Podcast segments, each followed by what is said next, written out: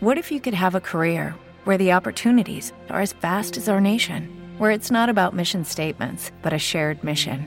At U.S. Customs and Border Protection, we go beyond to protect more than borders from ship to shore, air to ground, cities to local communities. CBP agents and officers are keeping people safe.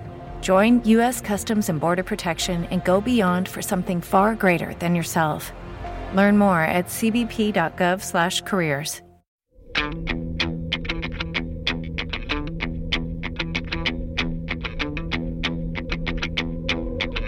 O noso home en Ecuador, en Quito, é Esteban Fernández Moreira, o noso microbiólogo de cabeceira. Moi boas tardes, Esteban. Hola, que tal? Moi boas tardes.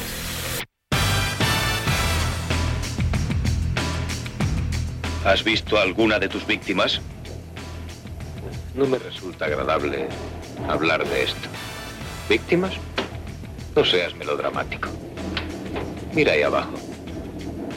¿Sentirías compasión por alguno de esos puntitos negros y dejara de moverse?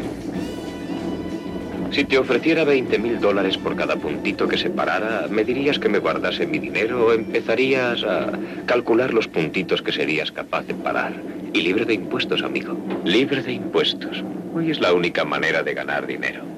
De muy poco te servirá en la cárcel. La cárcel está en la otra zona. Y no hay pruebas contra mí. Excepto tú.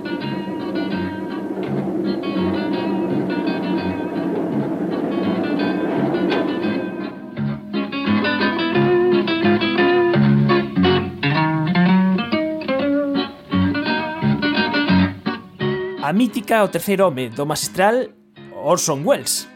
Sí, unha película de 1950 que nos conta como moitas veces por mor de facer negocios a xente perde os escrúpulos. E precisamente desto imos falar eh, neste circo de bacterias e ímonos ir cara, cara a India.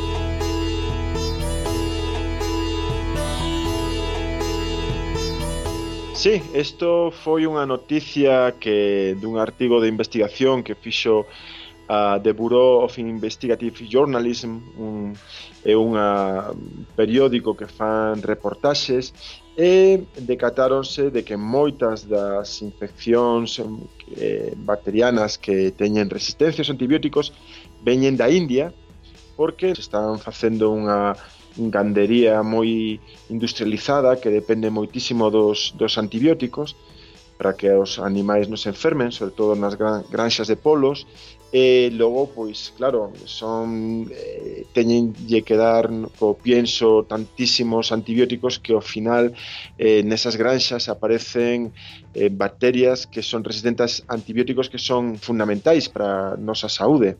Digamos que na India hai prácticamente eh, barra libre para o uso do, dos antibióticos. Claro, estas compañías ríxense polas súas leis, non? E como non hai moito control, hai mm, compañías como, por exemplo, Benki. Benki é unha mm, compañía que o seu a, a meirande parte do seu negocio é a produción de polos, pero tamén teñen eh, produción de antibióticos obviamente eh, de uso gandeiro, eh, ti, por exemplo, esos antibióticos son antibióticos que nos eh, empregamos como última barreira cando temos eh, bacterias que resistentes a todos os antibióticos. Por exemplo, a colistina. A colistina é un antibiótico que cando ti tes no hospital un paciente, por exemplo, con, con unha clepsiela resistente a todos os antibióticos, é o que lle das, non?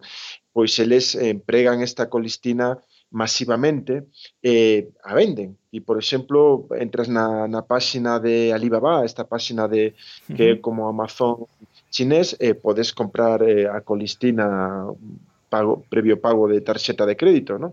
É un antibiótico que fai moitas veces a diferencia entre a vida e a morte en, en humanos, non? E ali se emprega pois, para manter esas granxas inmensas de, de polos eh, sen infeccións. Un antibiótico que xa se coñece desde hai décadas e que non se ten utilizado masivamente precisamente polos seus efectos secundarios de tal xeito que o non se ter utilizado hai menos posibilidade de que haxa bacterias resistentes a ele. Claro, decir, había outros antibióticos moito mellores, non?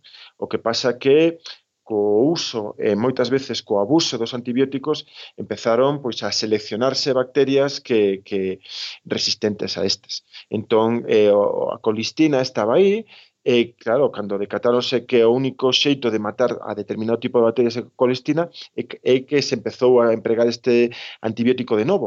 O que pasa é que, claro, o mesmo que se emprega como eh, último recurso nos hospitais, non? Porque sempre é como último recurso porque ademais é eh, un pouco tóxico, non é un dos mellores antibióticos, pero claro, é un antibiótico que como non se pregou, non había bacterias resistentes. Uh -huh. E isto supón que a mortalidade, por exemplo, infantil na India eh, sí que a estar disparada. Sí, de feito de cada tres nenos que morren no mundo, mortes evitables, un, un deses nenos é indio, non? Entón, por exemplo, casi todos os nenos en, na India teñen bacterias multiresistentes aos antibióticos. De feito, os tiles, eh, por exemplo, os periódicos hindúes eh, escoitas os testimonios dos médicos de que moitas veces o antibiótico xa lle teñen que dar o neno en vena porque obviamente sabendo que a meirande parte dos nenos es, levan estas baterías multiresistentes xa non poden arriscarse a, a, a, a darlle por, pola vida, vía oral. Se estima que morren pois eh, 58.000 nenos de, por causa de, de bacterias resistentes, non? É dicir, nenos que lle das o antibiótico, o antibiótico non funciona, e morren pois por neumonías, morren por meningitis, morren por, por infeccións eh, intestinais, diarreas, non?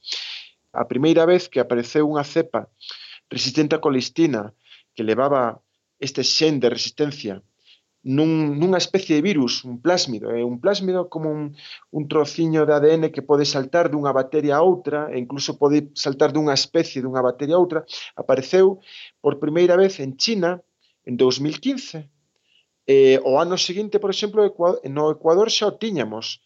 E agora, por exemplo, faz un test de, de, para ver bacterias resistentes á colistina eh, e hai bacterias resistentes á colistina nos parques, no, onde xogan os nenos, en, en todas partes. É dicir, isto surxe ali, lonxe de nós, pero en menos dun ano xa o temos con nós. Aquí acontece un pouco como o, o conto de Pedro e o lobo, que, que vai vir o lobo, que vai vir o lobo, eh, levamos xa moito tempo falando desta resistencia a antibióticos, de crear estas bacterias resistentes, estas eh, que podemos chamar eh, superbacterias, eh, eh, eh, polo de agora o asunto parece que está confinado, pois xente que está nos hospitais, falamos de países eh, do sur, pero chegará un día que vai chegar o lobo. É inevitable. Agora temos este problema, a ciencia pode buscar alternativas. É, é difícil porque os antibióticos realmente son produtos que atacan, digamos, tres zonas da, de, da, da célula bacteriana que non temos os humanos, non? A cubierta da, da bacteria, os ribosomas ou, por exemplo, unhas, unhas enzimas que desenrollan o ADN, non? que o ADN a veces se atrapalla, pois esas enzimas a, a, collen o ADN e, e desfan os nudos. Pero esas enzimas nós non, non, non as temos, non? Entón, por eso, o antibiótico mata as bacterias e non nos mata a nós, porque, por exemplo, nós temos cousas para matar as bacterias, a, por exemplo, a lexía. A lexía mata as bacterias, pero claro, se ti tes unha infección de, na, na gorxa e fas un, unhas gárgaras con, con lexía, que, queima este ti tamén. Entón, claro, Evidentemente. Obviamente, entón eh, temos que facer eh, eh, empregar produtos que son os antibióticos que maten especificamente a bacterias e non nos maten a nós. O problema é que nos eh, xa non temos máis blancos, máis dianas bacterianas coas que atacar, non? As, as bacterias xa teñen mecanismos para todo, non? Entón, poden haber alternativas, sí, poden haber pois pétidos antimicrobianos, poden haber pois fagos, bacteriófagos, virus que maten as bacterias, poden haber encibióticos. O que pasa é que, claro, se nós temos este modelo, digamos, insolidario de, de produción e de, e digamos, de gandería industrial e, e de necesidades, cando aparezan as novas alternativas van a aparecer outra vez os abusos e, e isto vai a ser como unha especie de, de carreira de, de, de armamento, non? É dicir, ti sacas un, un novo produto, aparece unha nova bacteria, eh, digamos que ese período de ouro da medicina que foi dende que se eh, descubriu o, an, o a penicilina até que empezaron a aparecer as, estas bacterias multiresistentes, ese período de xa nunca máis vai vir, non? É dicir, nós perdemos esa capacidade de ter esa eh, bala máxica, ese antibiótico que, de amplio espectro que mataba todas as bacterias, e agora vai a ser máis difícil. Temos que dicir que en España, como consumidores, eh, temos a tranquilidade de que toda a carne que consumimos está libre de antibióticos, porque os antibióticos si se poden utilizar en gandería, pero sempre baixo prescripción dun veterinario e logo, cando se comercialicen, non pode haber restos de antibióticos. Eh, na cadea alimentaria non están, pero, sin embargo, eh, si tamén é certo que en España tamén se está a utilizar este antibiótico, a colistina. Sí, en España é o país de Europa que máis colistina se emprega, non? Eh, nós, por exemplo, aínda que temos unha serie de controis que, por exemplo, non existen en países como a India, non? Eh, controis moi necesarios, tamén hai que decir que o é un dos países de Europa que máis antibióticos se emprega, non? Por exemplo, comparado con Alemania, non? Que se empregan moitísimos menos antibióticos que a nós, non?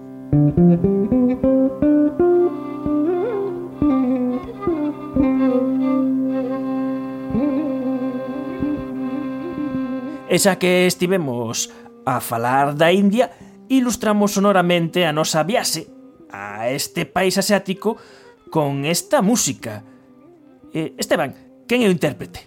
Sí, sí, é o músico Upalapu Srinivas, é un músico intérprete de, de mandolina, é famoso ali na India.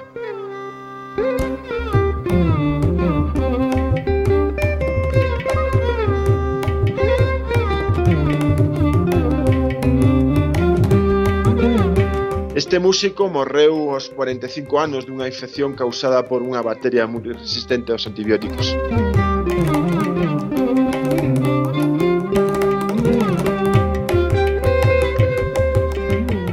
O uso responsable dos antibióticos tanto en humanos como en animais.